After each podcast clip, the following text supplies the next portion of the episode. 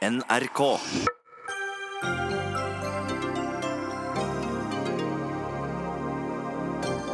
Trolig flertall på Stortinget for nye regler, så heller ikke vararepresentanter skal kunne velges til Nobelkomiteen.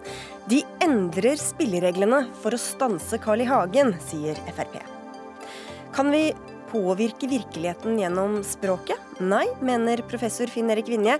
Ord er makt, påpeker språkforsker og forfatter Helene Uri. Og Aftenposten gir brasilianerne anledning til å ta revansj, og arrangerer omkamp mellom Norge og Brasil 20 år etter VM-kampen i 1998. Men er dette journalistikk, eller er det reklame, spør Klassekampen journalist.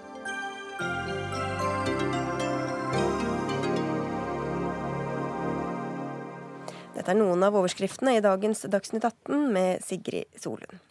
Det er altså mye som tyder på at et flertall på Stortinget vil fremme et forslag som kan stanse Carl I. Hagens drøm om en plass i Nobelkomiteen. Forslaget går ut på at verken vararepresentanter eller stortingsrepresentanter skal kunne velges inn i komiteen. Og dette ble klart etter et møte mellom stortingspresidenten og de parlamentariske lederne i valgutvalget på Stortinget i dag. Trond Giske, nestleder i Arbeiderpartiet, stortingsrepresentant. Hva går dette forslaget egentlig ut på? Det går ut på at Stortinget skal fortsette å følge det som har vært eh, normen i ja, 50 år. At eh, aktive politikere som skal fortsette på Stortinget i lang tid, ikke går inn i Nobelkomiteen. Og Det er for å være veldig tydelig på at eh, Nobelkomiteen skal ikke være et politisk organ. Det skal være et skille mellom storting og det aktive politiske miljøet og en Nobelkomité som skal kunne ta standpunkt og velge en fredsprisvinner, uavhengig av de politiske strømningene i Norge. Men dette skal altså, er det aktuelt å innføre eller stemme over allerede nå før jul? Hvorfor, det, hvorfor så hastverk? Nei, Det er jo fordi at eh, Fremskrittspartiet har valgt en kandidat som bryter med det som har vært den uskrevne regelen i eh, alle år. Eh, og når man da bryter med den uskrevne regelen, så får man lage en skreven regel. Eh, slik at vi følger det som har vært normen. Det, så det er for å stoppe Carl I. Hagen? Det er ikke for å stoppe Carl I. Hagen, men det er for å eh, passe på dette skillet mellom norsk politikk og Nobelkomiteen. Og det har jo ikke blitt mindre aktuelt etter eh, ja, bl.a.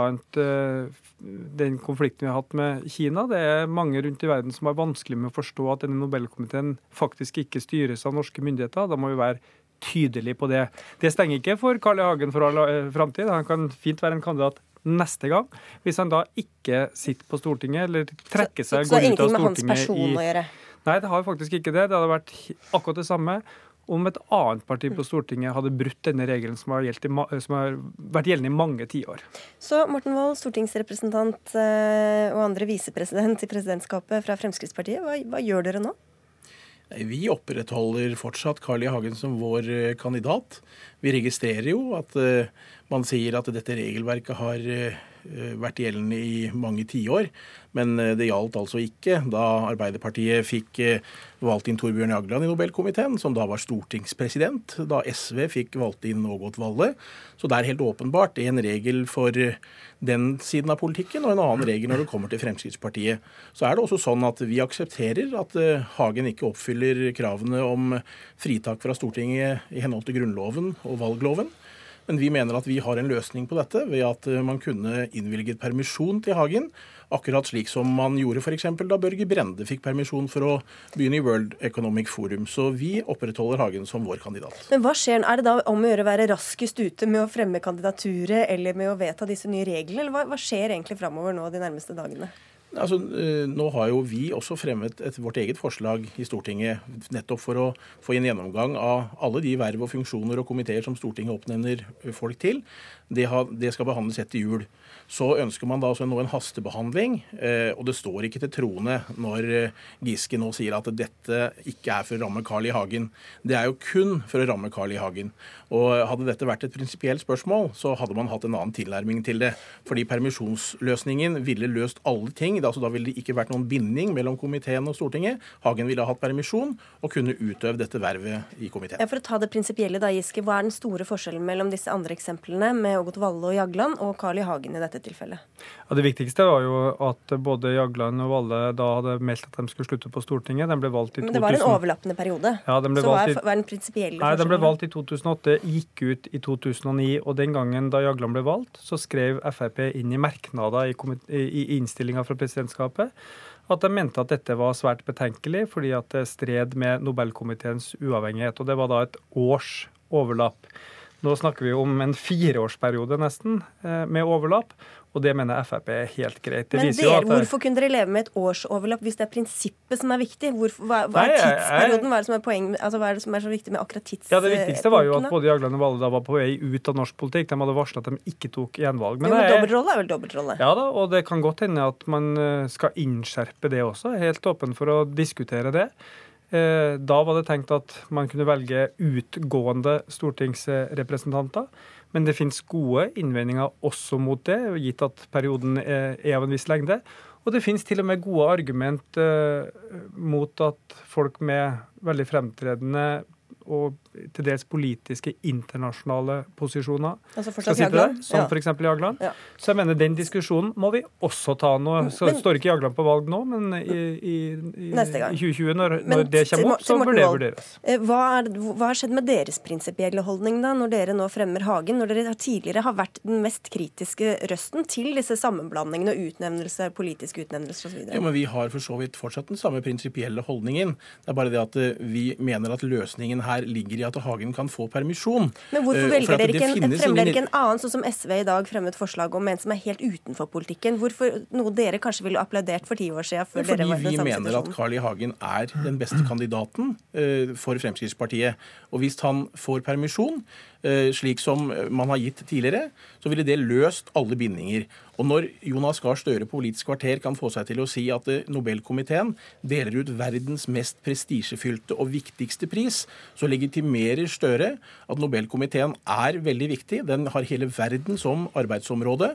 Ergo så er den så viktig at Hagen som annen vara til Stortinget burde kunne bli innvilget permisjon, akkurat på samme linje som f.eks. Børge Brende ble. Men for å ta det litt grunnleggende her. eh, Din eh, partikollega Hans Andreas Limi sier dette det er en ny praksis om andre partier skal mene noe om et partis kandidater. Det kan få konsekvenser, sier han til Dagens Næringsliv, og peker på f.eks. utnevnelsen av riksrevisor.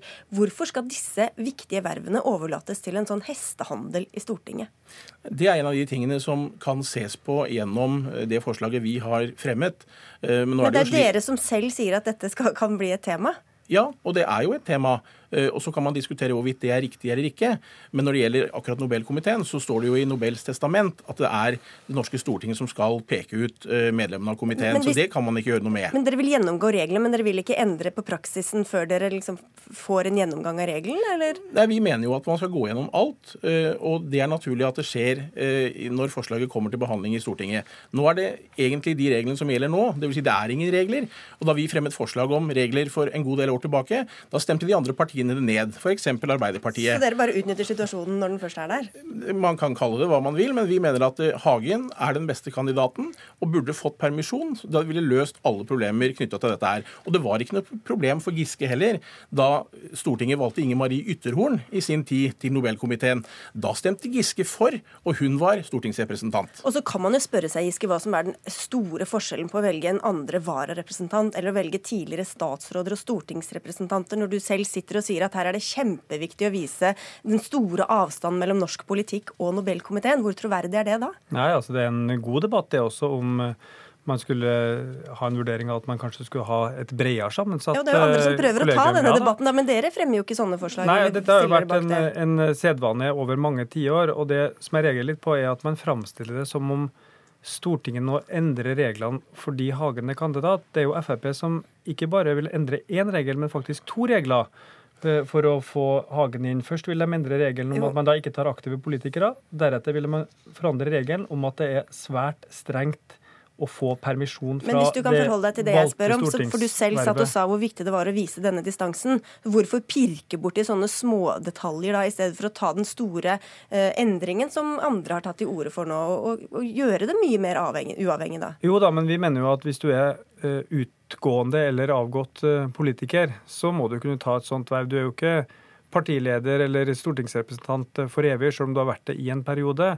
Eh, og jeg mener jo at folk som har sittet i Nobelkomiteen, da, sånn som Kasi Gullmann Five eller Ågot Valle da, eller Jagland, eh, som har hatt en politisk karriere, klarer å gjøre det uten å være inne i den daglige politiske diskusjonen i Norge. Og dette er poenget, fordi det er ganske viktig for Nobelkomiteens eh, mulighet til å forklare og skape legitimitet rundt de fredsprisvinnerne som de utnevner, at de blir forstått i utlandet som uavhengig av norske myndigheter. Og det er viktig for norske myndigheter at Nobelkomiteen ja, har den frie rollen. Men spørsmålet er om de gjør det i større grad når det sitter en som akkurat er ferdig som statsråd eller stortingsrepresentant, eller om det er en som sitter som andre vara. Ja, det kommer jo en inn her da som eh, regelmessig kan komme til å møte på Stortinget. Ikke bare møte på Stortinget, men også møte men for regjerings... Kunne dere ikke bare gitt ham permisjon? Hvorfor kunne dere ikke bare hatt den løsningen som Frp sier da? Fordi det er, det er veldig strenge regler på Stortinget for å få permisjon. Eh, Hagen ble til og med nominert i Oslo på kampvotering. Så viktig var det for å komme på Stortinget stortingslista. Og så skal man eh, etter noen måneder si at nei, det gidder jeg ikke likevel. Det har man aldri hatt noen tradisjon på, på, Stortinget. Stortingsvervet er grunnlovsbestemt og så viktig at man kan ikke begynne å lage en egen permisjonsregel.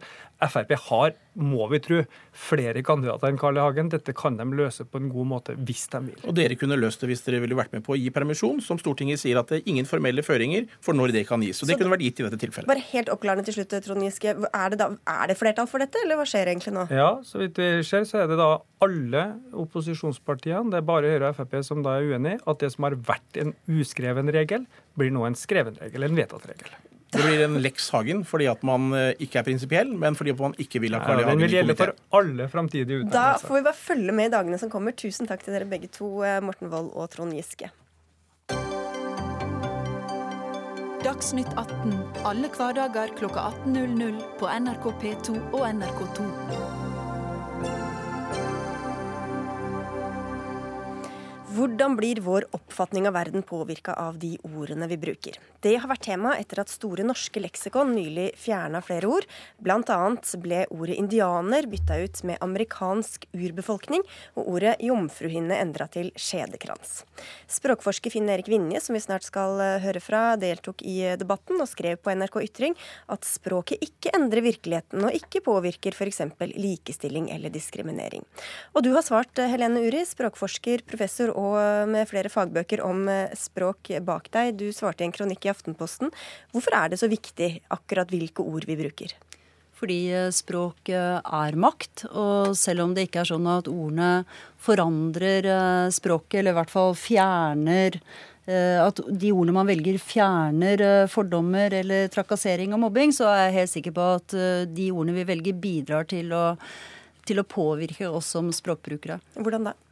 Jo, det er klart at uh, hvis jeg får høre Når jeg er modig og jeg får en kompliment i form av 'du har baller, du', så er det klart at det er jo ikke en, eh, en kjønnsnøytral uh, kompliment. Da forbinder man mot med mannlighet, f.eks. Jeg sa vi skulle gi ordet til Finn Erik Vinje, det skal vi gjøre. Men du, du skriver også at det trolig ikke er likegyldig for ham eller hva han blir kalt? Ja, antagelig ikke. Nå har jeg ikke diskutert det med han, men jeg vil tro at det ikke er helt likegyldig for han om man kaller han eh, gubbe eller mann, som jeg skrev i Aftenposten. Vi får høre med deg, Finn Erik Inge, professor emeritus i nordisk språkvitenskap. Hva vil du synes om å bli kalt eh, gubbe? Ja, Det er blitt kalt flere ganger. Bryr meg ikke særlig om det. Jeg har en ganske sånn høy eller lav terskel, som det heter der. Eh, fordi men jeg ser jo da at hilsen er jo ikke rettferdig. hvis en person blir kalt for en gubbe. Eh, så er ikke det elskverdigheten som, eh, som eh, Helene nå gir i Aftenposten. Men la det fare. Det er en sak for seg. Men det er altså spørsmålet om forholdet mellom språket og virkeligheten. Hvordan den er innrettet. Jeg pleier ofte å tenke da på noen gutter jeg hadde i klassen min på folkeskolen. De var keivhendte. De skrev med venstre hånd ganske upraktisk. Eh, etter 30-40 år så fikk jeg vite at keivhendt det var en sårende betegnelse som ikke skulle brukes for folk som skriver med venstre hånd. Det skulle hete venstrehendt. Hvorfor det, tenkte jeg. Disse guttene som var keivhendte, de led av ikke noe overlast. Og jeg tror heller ikke at virkeligheten fortoner seg annerledes for disse guttene om de het uh, venstrehendt istedenfor keivhendt. Det er et eksempel. Men jeg åpner naturligvis, det ville være dumt ellers, åpner naturligvis ellers for at uh, språket kan påvirke vårt syn på foreteelser i omverdenen. Jeg leste en avisnotis om uh, noen appelsiner, blodappelsiner som det het. De skiftet navn til røde appelsiner. Og da økte salget ganske kraftig. Og det, det er et godt eksempel på det. Så noen Men ganger det, det er det på sin plass? Det må overføres til uh, andre typer uh, kategoris, kategoriseringer. Men vi får Uh, høre med, vi hører med Helene Uri her også. Eh, For, for noen ganger så virker det som om man bytter ut et ord som folk forstår, med noe som ikke har noen resonans hos folk, eller som, som de ikke skjønner. Hva er da poenget med å gjøre det? Nei, og det, det er jo ikke sånn at en, Det er mye krenkelse i vårt samfunn, så det er jo ikke sånn at jeg mener at eh, alle som føler seg krenket, skal kreve at språket skal endre seg og det skal innføres nye ord. Det er jo ikke det, men det jeg mener er at, at språket må forandre seg i takt med virkeligheten, og i hvert fall ikke subbe baketter. Og jeg mener jo at jeg vil jo foretrekke å bli kalt eh, leder f.eks. fremfor formann. Og jeg synes jo når man i dag har forlatt stortingsmann, som før var en kjønnsnøytral betegnelse, så tror jeg alle i dag ser at ja, det er litt sånn Det er litt gammeldags når vi har et kjønnsnøytralt eh, begrep som stortingsrepresentant. Så det er jo mer det at språk er makt, og det, de ordene vi bruker, det, det påvirker oss helt klart. Og eksempel la hun ha en mann Ja, fin, ja, men det bare det at det overdrives så kolossalt. At uh, indianere i Nord-Amerika ikke lenger skal hete indianere. Det syns jeg er et overgrep mot det norske språket. Den indianer, det er en del, en, en kulturdel i det å være norsk. Og det skulle vi jo beholde. Og det er heller ingen som Så jeg, vidt jeg vet, så er det heller ikke fra dem det gjelder, kommet noe ønske om at det navnet skulle bli borte. Jeg har det- ikke satt gjør Nei, den indianerdebatten er, litt, er Ja. nesten en debatt for seg. Nei, men, men- ja, men den for seg, men den, den berører jo akkurat det samme. Jeg er enig, men vi bare har snakket så mye om akkurat indianerne. Ja, men oss, ja, vi har gjort det. For alle sånne utsatte grupper, marginale grupper, de står i fare for å bli tatt under, lagt under lupen og forandret på. Og det, det er litt dumt. Istedenfor sier jeg at språk er i prinsippet um, helt likegyldig med de historiske eller etymologiske forholdene. ord det er er- ord som vi bruker det. I Sverige så snakker man om sjuksköterska, og det kan brukes som mann. Det fungerer aldeles utmerket. Ord er jo makt også hvis man holder på det innmari lenge, så da er det ikke så lett for andre å komme til. Men jeg mener ditt eksempel med viskelær. Ja, selvfølgelig er det sånn at vi fortsetter å bruke ord, selv om viskelær ikke lenger er laget av lær. Men poenget her er jo at dette Viskelær er jo ikke sånn gruppe utsatt eh, for å føle seg krenket eller såret over betegnelsen. Men jeg syns det blir så tullete når man skal si at neger, det er nøytralt, for det var det for meg. Og for meg som sender, så er det nøytralt. For det, hele poenget her er jo at det er jo også en mottakerinstans. Og det er også de omtalte. Og man kan ikke bare som sender bestemme at sånn oppfatter jeg det, og da oppfatter omverdenen det også på den måten. Og det er, har vært noe av mitt poeng. At vi må faktisk også ta hensyn til mottakerne og til de som omtales. Og Hvis du satt på Stortinget, Vinje, ville du like å bli kalt for stortingskvinne, f.eks.? Ja, altså i prinsippet så syns jeg det hadde vært helt greit. Helt greit. Hvis det hadde vært en sånn vanlig term. Akkurat som altså sjuksköterska i Sverige. Det Ja. fungerer utmerket. Og vi får legge til jordmor i Norge. Men det er jo faktisk en del menn som har protestert på disse titlene, da, og ikke ønsker å være jordmor eller ønsker å være søster, f.eks. I, i, i helsevesenet. Men, men hva til dette med kjønn, for det er jo ikke en marginalgruppe. Er, der er det jo eh, disse, alle disse kjønnede titlene, da. Kan ikke det også si noe om hvordan vi ser på kjønn og, hvem, og makt i dagens i Ja, samfunnet? ja, til en viss grad bare, men bare til en viss grad. Lektor og lege og prest og biskop, Det er kjønnsnøytrale yrkesbetegnelser i dag, men var ikke det for to generasjoner siden. Da var det forbeholdt menn. Så en viss grad så er det der riktig, men man tror ikke at man bør ikke tro at man med språklige manipulasjoner skal forandre virkeligheten. For det går ikke. Det, det, man må gå den omvendte veien. Ja, jeg tror ikke det er noen som tror at det å bytte ut ord eh, forandrer virkeligheten i det hele tatt. Det tror jeg ikke de som, jo, som jo, jeg, Men jeg tror at man kanskje uh, innser at det er med på å påvirke holdningene.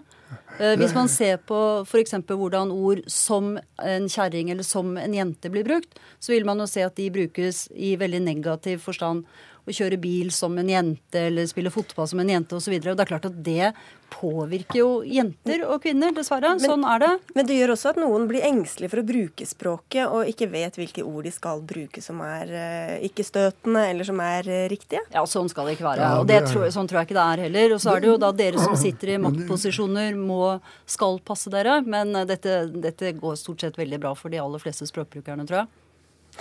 Skal vi avslutte der? da får vi ta det innover oss. Takk skal dere ha, i hvert fall begge to, Helene Uri og Finn Erik Vinje.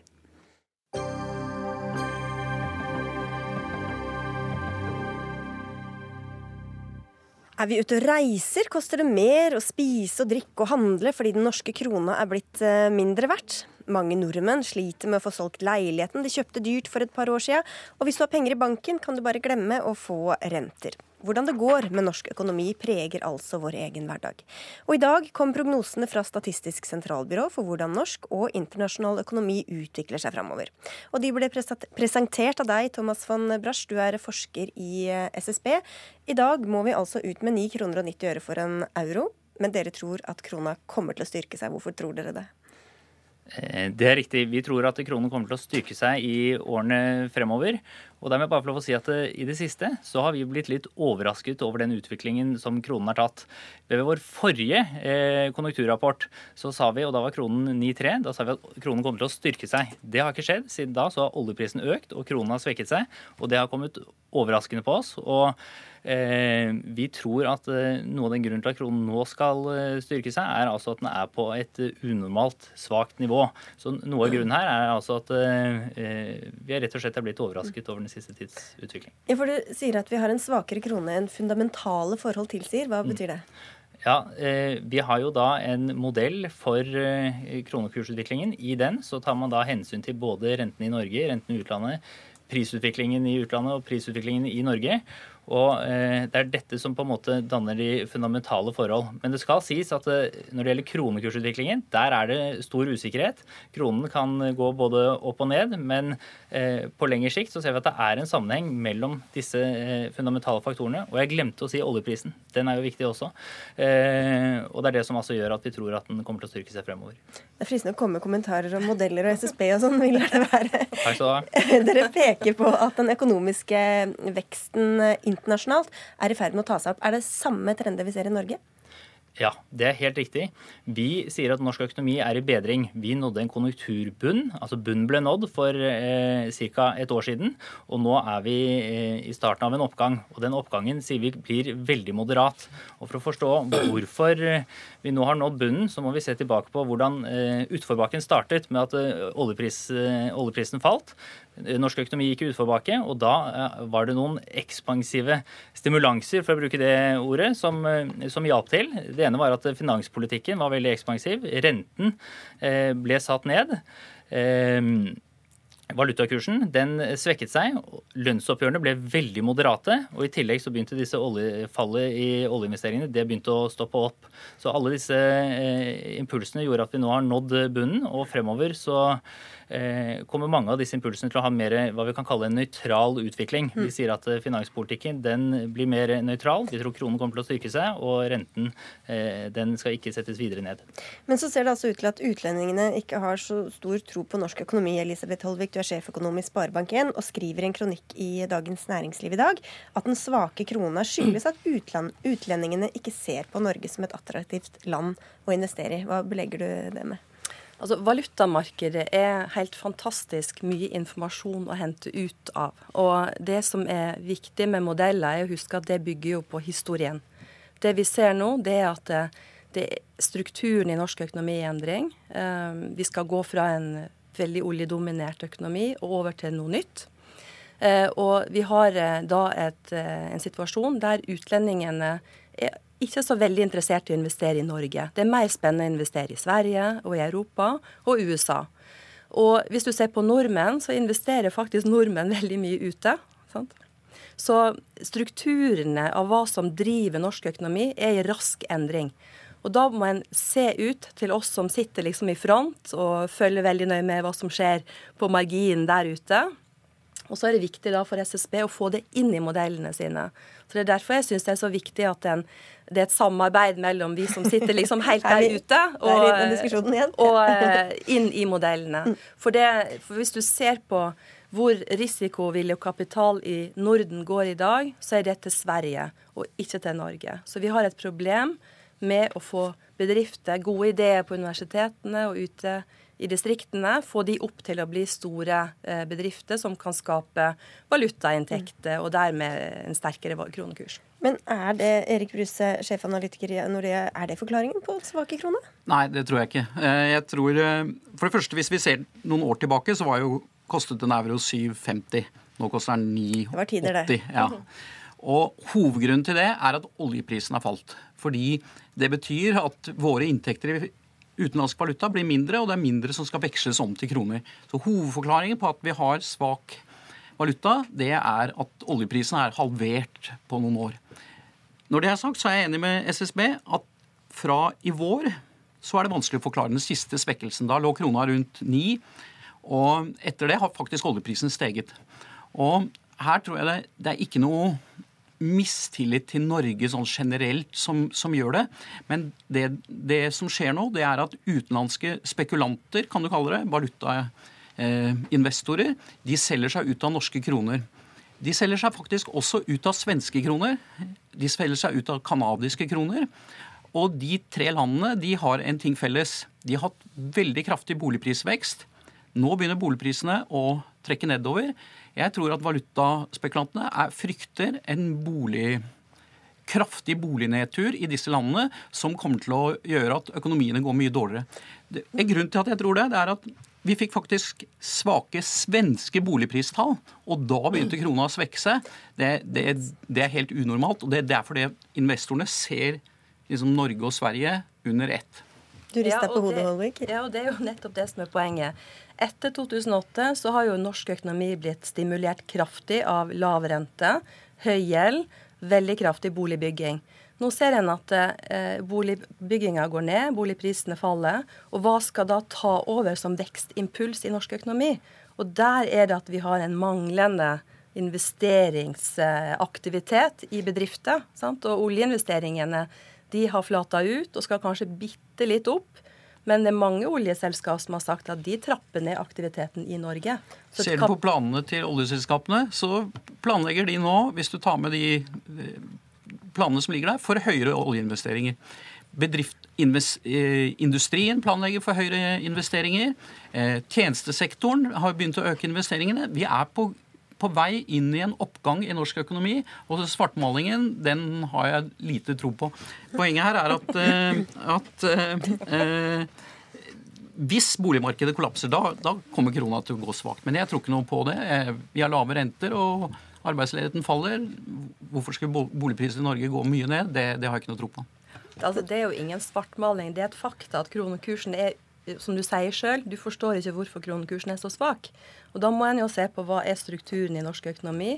Eh, valutamarkedet er et marked for eh, handel. Du veksler for å handle, du veksler for å investere, du veksler for å investere finansielt. Og alle de strømmene peker i retning av at kapitalen fra nordmenn går ut, og utlendingene holder seg litt unna. Men var, Dere nevnte boligmarkedet. Vi skal bare høre med von Brasch her også. Eh, dere spår jo at boligprisene kommer til å, å stige. Eh, det var feil. Eh, feil? Altså, de kommer etter hvert, etter hvert ja. ja. Eh, boligmarkedet er en utforbakke, som vi sier. Boligprisene de har eh, falt nesten kontinuerlig siden mars. Og vi tror de kommer til å falle gjennom hele neste år, og ikke begynne å stige før i starten av Vi er så langsiktige her i Dagsnytt 18. Ja, I starten av 2019. Eh, og hvis vi får rett, så er det altså sånn at boligprisene da, fra topp til bunn, vil ha falt med knappe 10% over denne toårsperioden. Hvorfor gjør de det? Eh, det er tre hovedgrunner til at boligprisene nå faller. Det ene er at de har steget mye i den tiden vi har bak oss, og boligprisene hadde kommet opp på et høyt nivå. Det samme med boligbyggingen. Eh, den har vært eh, veldig høy i det siste, så bolig, tilbudet av boliger er høyt. I tillegg så har vi bak oss en periode hvor inntektsveksten har vært veldig lav. Så alle disse tre faktorene de gjør at boligprisene nå faller. Og det er de samme faktorene som kommer til å gjøre at boligmarkedet snur eh, om litt. For da har vi, prisene kommet ned på lavere nivå, tilbudet har blitt lavere, og inntektsveksten vil ha tatt seg opp. Og det som da er interessant å merke seg, det er at eh, boligmarkedet her er i det vi kan kalle en asynkron utvikling med resten av økonomien. Tidligere så var det altså sånn at eh, når norsk økonomi gikk i utforbakke, da var boligmarkedet i oppoverbakke. Mens eh, nå, eh, når pilene for norsk økonomi peker oppover, så peker pilene for boligmarkedet nedover. Mm. Altså, Nå har vi jo akkurat hørt dere to ekspertene være ganske uenige. og Det hadde vært fristende å finne tidligere uttalelser om boligbobler osv. For det er jo ikke dette vi har sett for oss tidligere heller, at boligprisene skulle falle, Holvik. Eh, jo, det er jo noe som vi har advart med, fordi renta har vært unormalt lav i Norge i veldig mange år. Eh, og gjeldsøkninga har vært veldig høy. Så vi er mange som har advart om at det gjør at en blir sårbar for at det kommer sjokk inn i økonomien. Men er det bra, de, den utviklinga vi ser nå på boligprisene? Altså den, Hvis du tenker på den prisoppgangen som var i 2016, spesielt i Oslo, så var jo det en ekstremt kraftig boligprisoppgang som jeg mener var feil og at en tar bort den økningen i en korreksjon, det vil jeg jo si er mye mer i tråd med, med, med sunn fornuft enn at en bare skal fortsette å øke boligprisene. Da blir vi sårbare. Eh, og det kan også slå inn i banksektoren hvis eh, eh, boligprisene blir så høye at de til slutt kollapser av seg sjøl. Så det er det ingen som ønsker. Nei. Og Bruse, er, det, er du enig i analysen fra, eller prognosene fra SSB på utviklinga? Ja, sånn i hovedtrekk. Og det er veldig viktig å huske at det de har prognose for, er ikke noe kollaps i boligmarkedet. Det er en forsiktig nedgang, og norsk økonomi tåler det. Det går ikke nedenom og hjem. Og Det er en viktig grunn til at jeg tror at krona etter hvert vil styrke seg, sånn som SSB. Det, den svartmalingen at liksom nå skal det gå skikkelig dårlig med norsk økonomi, den tror jeg ikke har den tror jeg ikke noe på. Vi må bare sveipe innom det siste elementet som er viktig for mange, nemlig renta. Hva skjer med den? Vi tror renten kommer til å forbli lav lenge. Og En viktig grunn til det er som jeg var litt inne på i sted, at det har vært mange ekspansive impulser, men de kommer til å ha en mer nøytral utvikling fremover. og Da er det ikke rom eh, for å heve renten i det korte bildet. I tillegg er det sånn eh, at boligprisene faller, det tallet for å holde renten lav. Og det er også sånn at vi fremdeles er i en lavkonjunktur, selv om, eh, selv om det går mot bedre tider. Så dette taler for at renten skal holdes lav lenge, og vi tror renteøkningen kommer i 2019. Og jeg, vil, altså, jeg syns det er ufint at du sier at jeg svartmaler økonomien. Jeg peker på fakta, at kronekursen er svak, og at det er noen grunner til det. Ja. Og vi skal også huske på at vi, norsk økonomi skal jo inn i en eldrebølge nå, der eh, pensjon og, eh, kommer til å ta veldig mye av statsbudsjettet framover. Da var vi tilbake til debatten. Vi må nesten avslutte. Takk skal dere ha, alle tre eh, som kom. Thomas van Brasch fra SSB, Elisabeth Holvik fra Sparebank1 og Erik Bruse fra Nordea.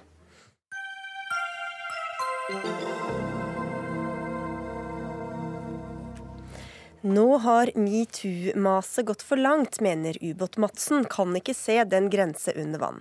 Dette kan vi lese i en artikkel på nrk.no den er vel å merke tydelig merket med Satiriks, altså NRKs humorredaksjon på nett.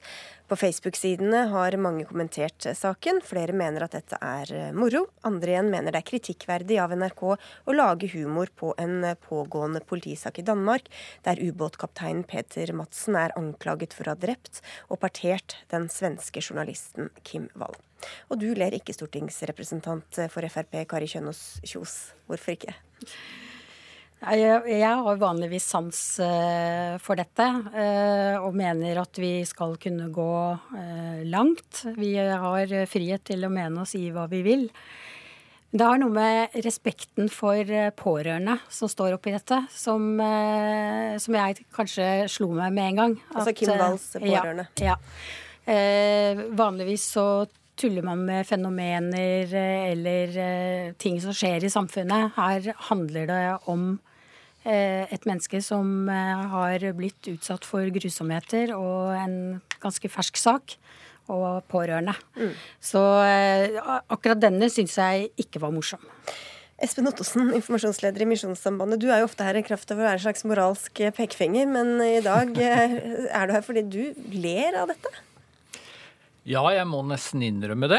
Eh, med litt sånn bismak. Men jeg ble jo kontakta av dere fordi dere var litt spente på hva jeg tenkte om Vi trodde du ville havne på den andre sida. Ja, jeg tror dere tenkte det. Og da hadde jeg ikke lest saken. Så mens jeg snakket med dere i den andre enden, så leste jeg den. Og klarte altså ikke å hindre at jeg lo litt. Jeg syns den var veldig morsom. Men den er jo grovt upassende, eh, på en måte. og, og Kona mi sier av og til til meg at jeg har en humor som ikke er helt passende eh, til den stillingen jeg har, og den uttalelsen jeg har som teolog. Um, så, så humor er veldig vanskelig, men, men jeg innrømmer at jeg syns den var morsom og, og, traff litt. Og Det er jo ikke drapet de spøker med, det er jo denne metoo-kampanjen og menn som sier at nå er det gått for langt, og så drar de det ut i det ytterligere da, så det skal være morsomt. Ja, og da burde de brukt eh, noe annet enn akkurat Ubåt-Madsen. Eh, fordi man kunne fått fram akkurat det samme med å finne en annen person. Mm. Eh, det er egentlig det, det jeg er opptatt av. Og så, så, er det jo sånn da at Eh, det er jo ikke alle som oppfatter at dette er satire. Uh, og jeg har faktisk testa det ut på et par stykker også og vist den fram. Uh, og det er kanskje litt uh, skremmende, og det ser du på Facebook også, de som deler. At det er mange som er, er, veldig opprørt og sjokkert over at han kan mene det. Altså De forstår ikke at det er satire. Så jeg tror at hvis man skal ha sånne ting, så må det komme så innmari tydelig fram at det er det det er. Vi kan komme tilbake til det, men først, Charles Halvorsen, du er jo programredaktør her i NRK. Gjestene våre her er litt uenige om hvor morsomt det var. Ja. Det er de også i høyeste grad eh, der ute, i kommentarfelt og på sosiale medier. En som spør NRK hva har skjedd her? Satire over en kampanje mot seksuell trakassering av damer gjennom å parodiere en mann som er siktet for å ha drept og partert en ung kvinne. Så hva har skjedd her? Eh, jeg er jo helt enig i at dette, det er jo ganske drøyt, det er jo det. Men eh, hva man har anledning til å tulle med når det gjelder sånne tragedier som jo dette har vært, handler jo ofte både avstand i tid, og så handler det om avstand i, eh, i lokasjon eller sted. Eh, og dette er jo en eh, forferdelig sak, men det har skjedd i et annet land. Og det, vi hadde ikke gjort den samme referansen i Norge, selvfølgelig. Men det er jo vårt naboland. Det er en svensk journalist ja, og en dansk etterforskning. Så hvor kan du alltid diskutere grensene? Hadde det vært greit om det hadde vært i Tyskland eller Nederland eller Frankrike eller Marokko. Men, men eh, det er nå et annet land og en drapssak som ikke som berører oss på samme måte fordi eh, det ikke er nordmenn eh, involvert i det. Er det, Ottosen, Hadde du ledd hvis det var en norsk, norsk person som var drept, tror du? Eh, jeg hadde helt sikkert ikke ledd hvis jeg var berørt av dette selv. Og jeg husket faktisk ikke navnet på den kvinnen som er blitt drept, før dere sa det her nå. Fordi jeg har ikke fulgt saken så tett. Og jeg tror at det gjør det mye lettere å le. ikke sant? For meg så har denne hjemmelagde ubåten og det jeg har fått med meg litt sånn på avstand, det har jo virka litt sånn pussig og underlig og komisk. Og så syns jo jeg da at NRK drar det utrolig langt i denne saken. Og det gjør at jeg er uenig med Kjønaas Kjos, for jeg syns den det, Altså, du Det, det, det er så må, vilt at man må skjønne at det er ja, altså Når han sier 'hvor går egentlig denne grensen'? Går den ved trakassering, eller går den ved der kvinnen slutter å puste? Altså, det er helt vilt. Og Beklager, men da traff det meg. Det syns jeg var fryktelig morsomt godt. formulert. Ja. Og jeg syns jo også at denne går så langt at jeg skjønte at det ikke kunne være riktig. Men poenget mitt er at det er ikke alle der ute som forstår det. Men kan man eh. noen gang sikre seg mot det, da? At alle skal skjønne en spøk? Nei, da, hva det... slags humor får du da? ja, nei, vi, det er jo forskjellig hva vi oppfatter. Og det er også, vi har jo også veldig forskjellig hvor vi har grensene våre. Mm. Eh, jeg har eh, fryktelig høy terskel på dette. så Så, så, jeg er kanskje ikke den rette til å spørre på, på, dette. Men jeg, som sagt, eneste grunnen til at jeg egentlig reagerte, var akkurat det derre saken. Fordi ja. jeg syns det er så spesielt, og de pårørende.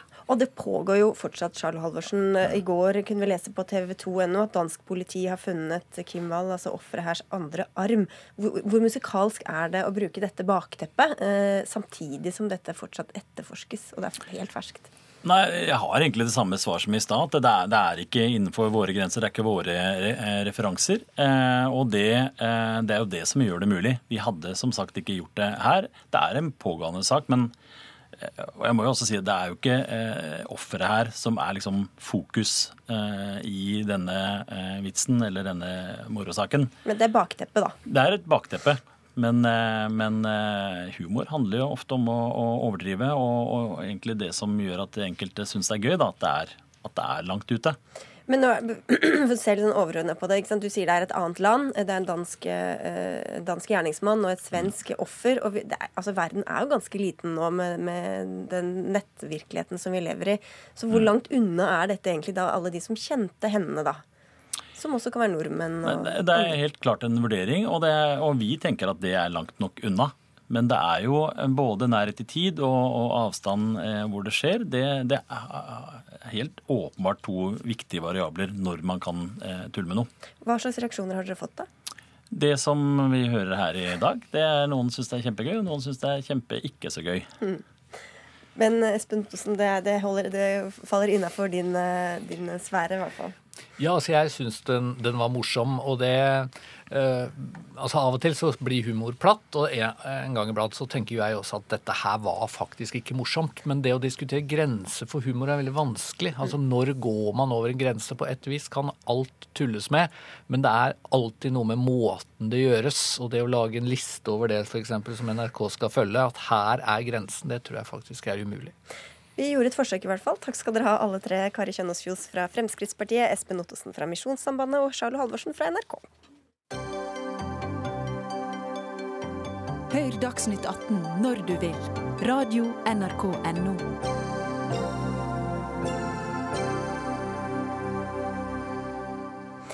Et par dager i Paris og en oval helg i New York, en uke i Tokyo og to i Malaysia. Nordmenn flyr mer og mer. Men må vi begynne å ta tog til Frankrike og ferje til USA for eh, klimaets skyld? Ja, mener du. Karl Aall, du er professor i bærekraftig utvikling og forskningsleder ved Vest Vestlandsforskning. Og du sier til Dagsavisen i dag at vi må slutte med alle disse lange flyreisene til fordel for andre kollektive transportmidler. Hvorfor det? Det er eh, Vi begynner å slippe opp for tid. Hvis vi skal klare Paris-målet, så har vi 20 år med dagens utslippsnivå. Vi har tre tall å huske på. 0, 25, 50. Vi har holdt på i 25 år med norsk klimapolitikk, og vi har hatt null utslippsreduksjoner. De neste 25 årene så må vi få dem ned 50% da må vi gjøre store endringer. Men da hører vi fra flybransjen at de gjør alt de kan for å bli mer miljøvennlige, få mer miljøvennlig drivstoff, mer miljøvennlige motorer og alt mulig disse tingene. Hvorfor kan vi ikke gå den veien i stedet for å si at vi må slutte? Det har vi holdt på med i 25 år, og det hjalp ikke. Du har ikke noe tro på det? Nei, men så Vi har holdt på med det i de siste ja. 25 årene. Så altså, Vi har hatt opp til 80% energieffektivisering på veldig mange duppeditter.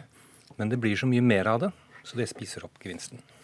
Helene Westgård Halle, du er energi, sitter i energi- og miljøkomiteen for uh, Høyre. Hvor mye blir vi nødt til å legge om reisevanene våre hvis vi skal nå de målene som dere også har satt? Altså, jeg er helt enig at vi er nødt til å kutte utslipp. Og vi har noen mål vi skal nå eh, som ble satt i Paris. Og vi er nødt til å ta inn over oss at det ikke er gjort i en håndvending. Eh, det kommer til å kreve ganske mye politisk mot. Eh, samtidig så er det en debatt som jeg mener vi er nødt til å ha en litt mer moderne tilnærming til enn det Aall har her. Altså Globalt så står luftfarten kun for 2% av utslippene. Eh, hvis vi ser bare på transportsektoren, så står fly, eh, eller luftfarten for 12% mens 74% kommer fra veitransport.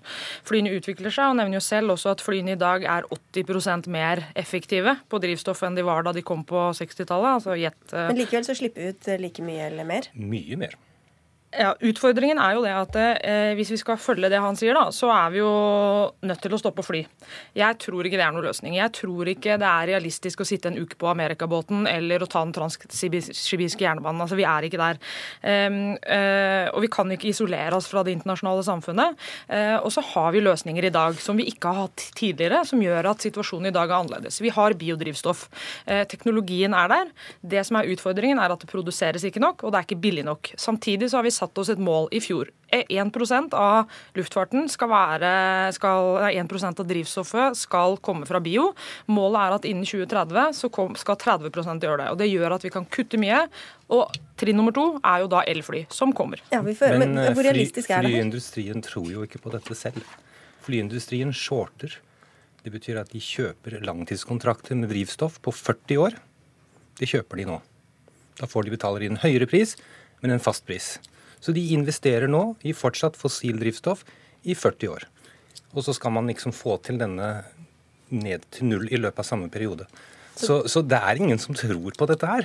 Men Hvor realistisk er denne tanken på elektriske fly som skal fly? Ja, så Det som ble presentert på konferansen i dag, var uh, maks 1000 km. Det? det var en konferanse Miljødirektoratet hadde om uh, utslippsfrie reiselivet. Så har det presentert eh, tanker om 1000 km batterifly. Vel å merke batteri og batteri. Det er en, eh, en vanlig drivstoffmotor som produserer strøm mens man flyr. Uh, og det er klart 1000 km, du kommer deg ikke til London herifra. Mm. Så det som var mitt poeng er at de lange flyreisene kan vi rett og slett ikke fortsette med. Uh, mens de mellomlange de kan vi kanskje få elfly på, men der har vi jo gode muligheter med tog, som jo er mye, enda mye mer effektivt. Mm. Uh, Lene Westgård Halle ga deg to bokstaver for mye her i innledningen. Beklager det.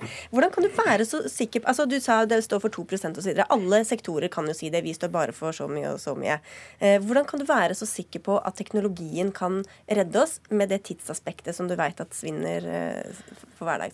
Jeg tror Hadde noen fortalt meg for etter ikke var ti år siden engang, fem år siden at jeg kom til å kjøre elbil, så hadde jeg ledd høyt av dem. Fordi teknologien var ikke der. Og det, de eh, yoghurtbegerne som vi kjørte rundt i av elbiler da, var ikke noe realistisk alternativ. Så det kommer til å skje endringer på teknologien. Og jeg tror er, jeg er litt sånn lei av den der klimadebatten som er den gammeldagse litt sånn 70-tallstilnærmingen hvor alt skal bli litt verre og litt vanskeligere, og vi skal dusje i kaldt vann og vi skal ha det kaldt hjemme. Altså, Vi er ikke der lenger. Teknologien er her. Vi har teknologien til å gjøre noe med det i dag, og så må vi ha litt politisk mot. Vi er nødt til å få mer biodrivstoff inn i fly. Elfly, altså Det er mulig det at uh, du mener at bransjen ikke tror på det selv, men Avinor har jo allerede bestilt Norges første elfly. Leveres i 2018. Og jeg tror det er en lang vei igjen til alle flyr elfly, og det er ikke realistisk å si at det skjer i morgen.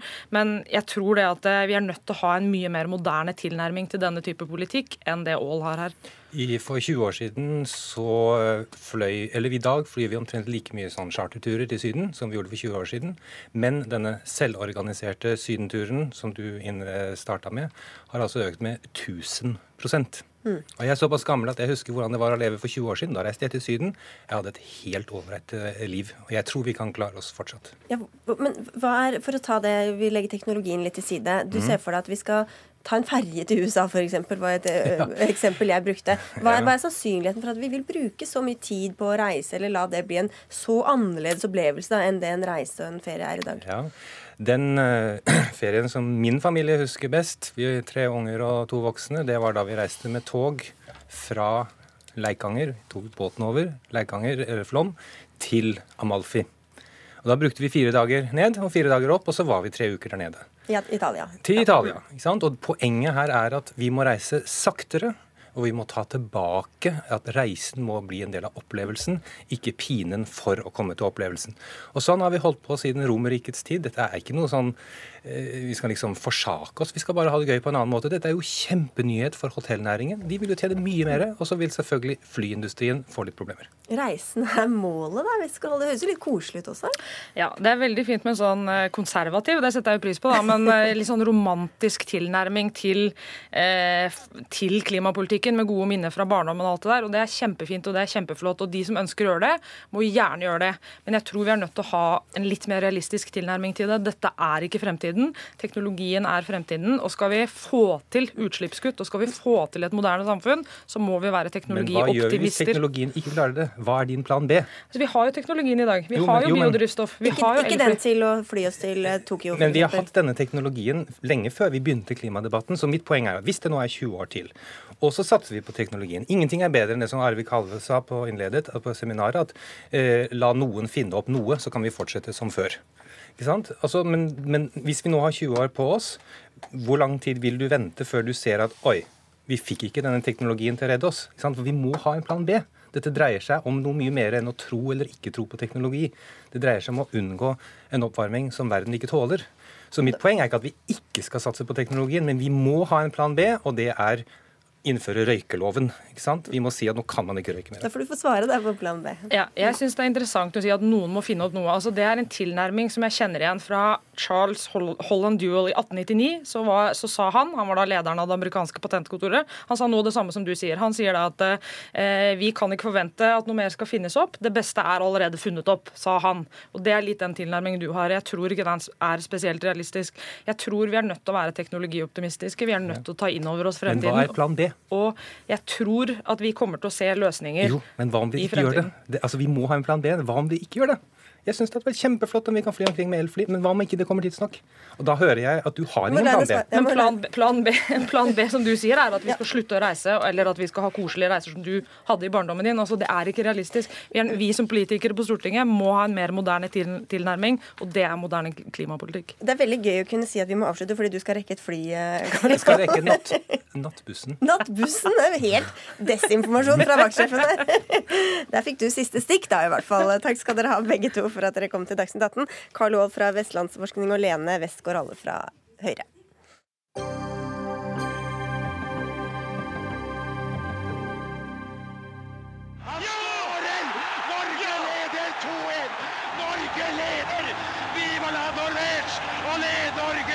Kjetil Rekdal og alle hjemme.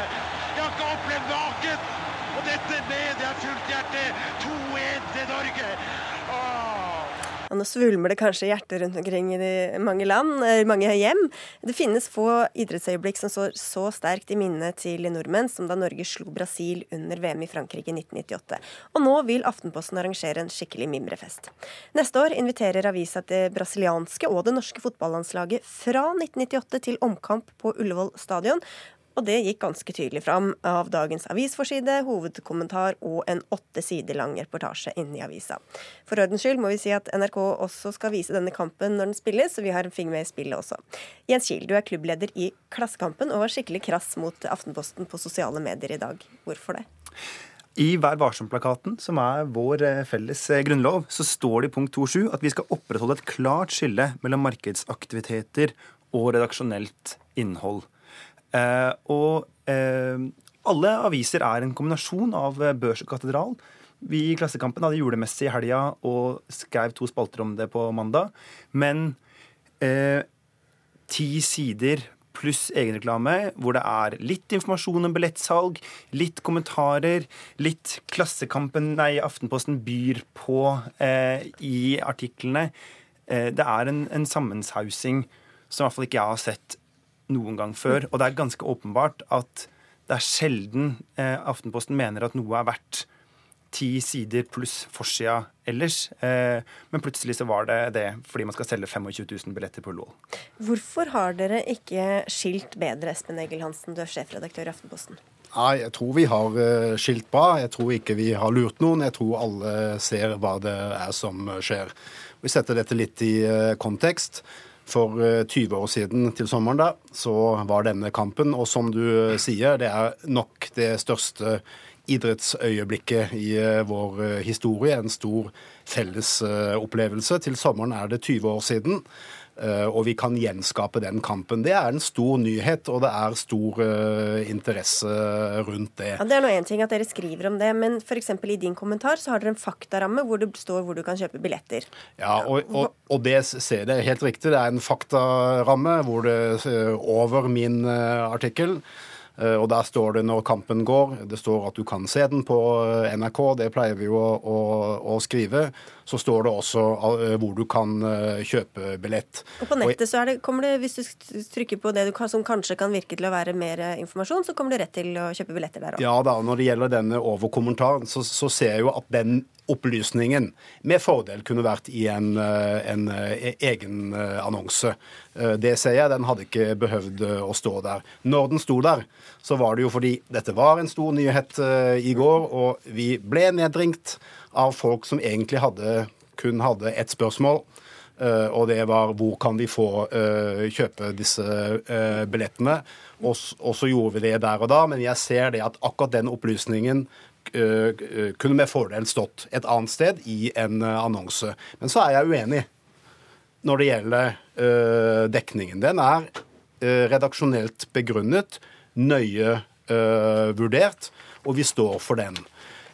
Omfanget av en sak det er alltid en uh, god uh, debatt, men jeg velger nå å redigere Aftenposten med en tydelighet. Forrige uke hadde vi 14 sider med skuespillere som fortalte om seksuell trakassering i sin bransje Tirsdag hadde vi syv sider ja, om kompliserte Jo, så det er på en måte men, sånn jeg redigerer Aftenposten. Det er det mulig å, de å debattere. Du behøver ikke å like det, nei, men det er noe mitt mitt men for, for, å ta det Jens Kiel, altså, Om dere sauser sammen i litt mindre skala enn det Aftenposten gjør, hvor blir det da prinsipielle da, hvis det er sideantallet det handler om? Det handler ikke bare om sidetallet, men å f.eks. skrive om et arrangement man har, trenger ikke være galt. Et, altså, vi dekker da i ettertid skriver vi om en julemesse. Eh, her er det jo sånn at Aftenposten er avhengig av å selge til tusenvis av billetter og dekker det tungt i forkant. Eh, det gir en helt, helt annen eh, konsekvens. Og så er det jo sånn at det presseetiske går videre enn dette.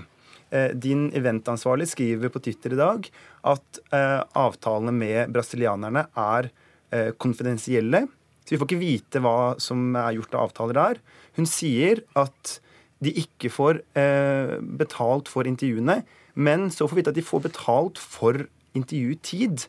Og da, altså Hvis man får betalt for intervjutid, så begynner det å bli ganske nært å få betalt for intervjuet? Ja, Sånn som jeg skjønner det, så er dette en helt uh, standard avtale for dem. Det er ikke så veldig ofte vi arrangerer uh, fotballkamper, men de får betaling. De får betaling for intervjuet. Alt fra, alt fra Arne Skeie til Drillo til spillerne får betalt for å være med på dette uh, arrangementet.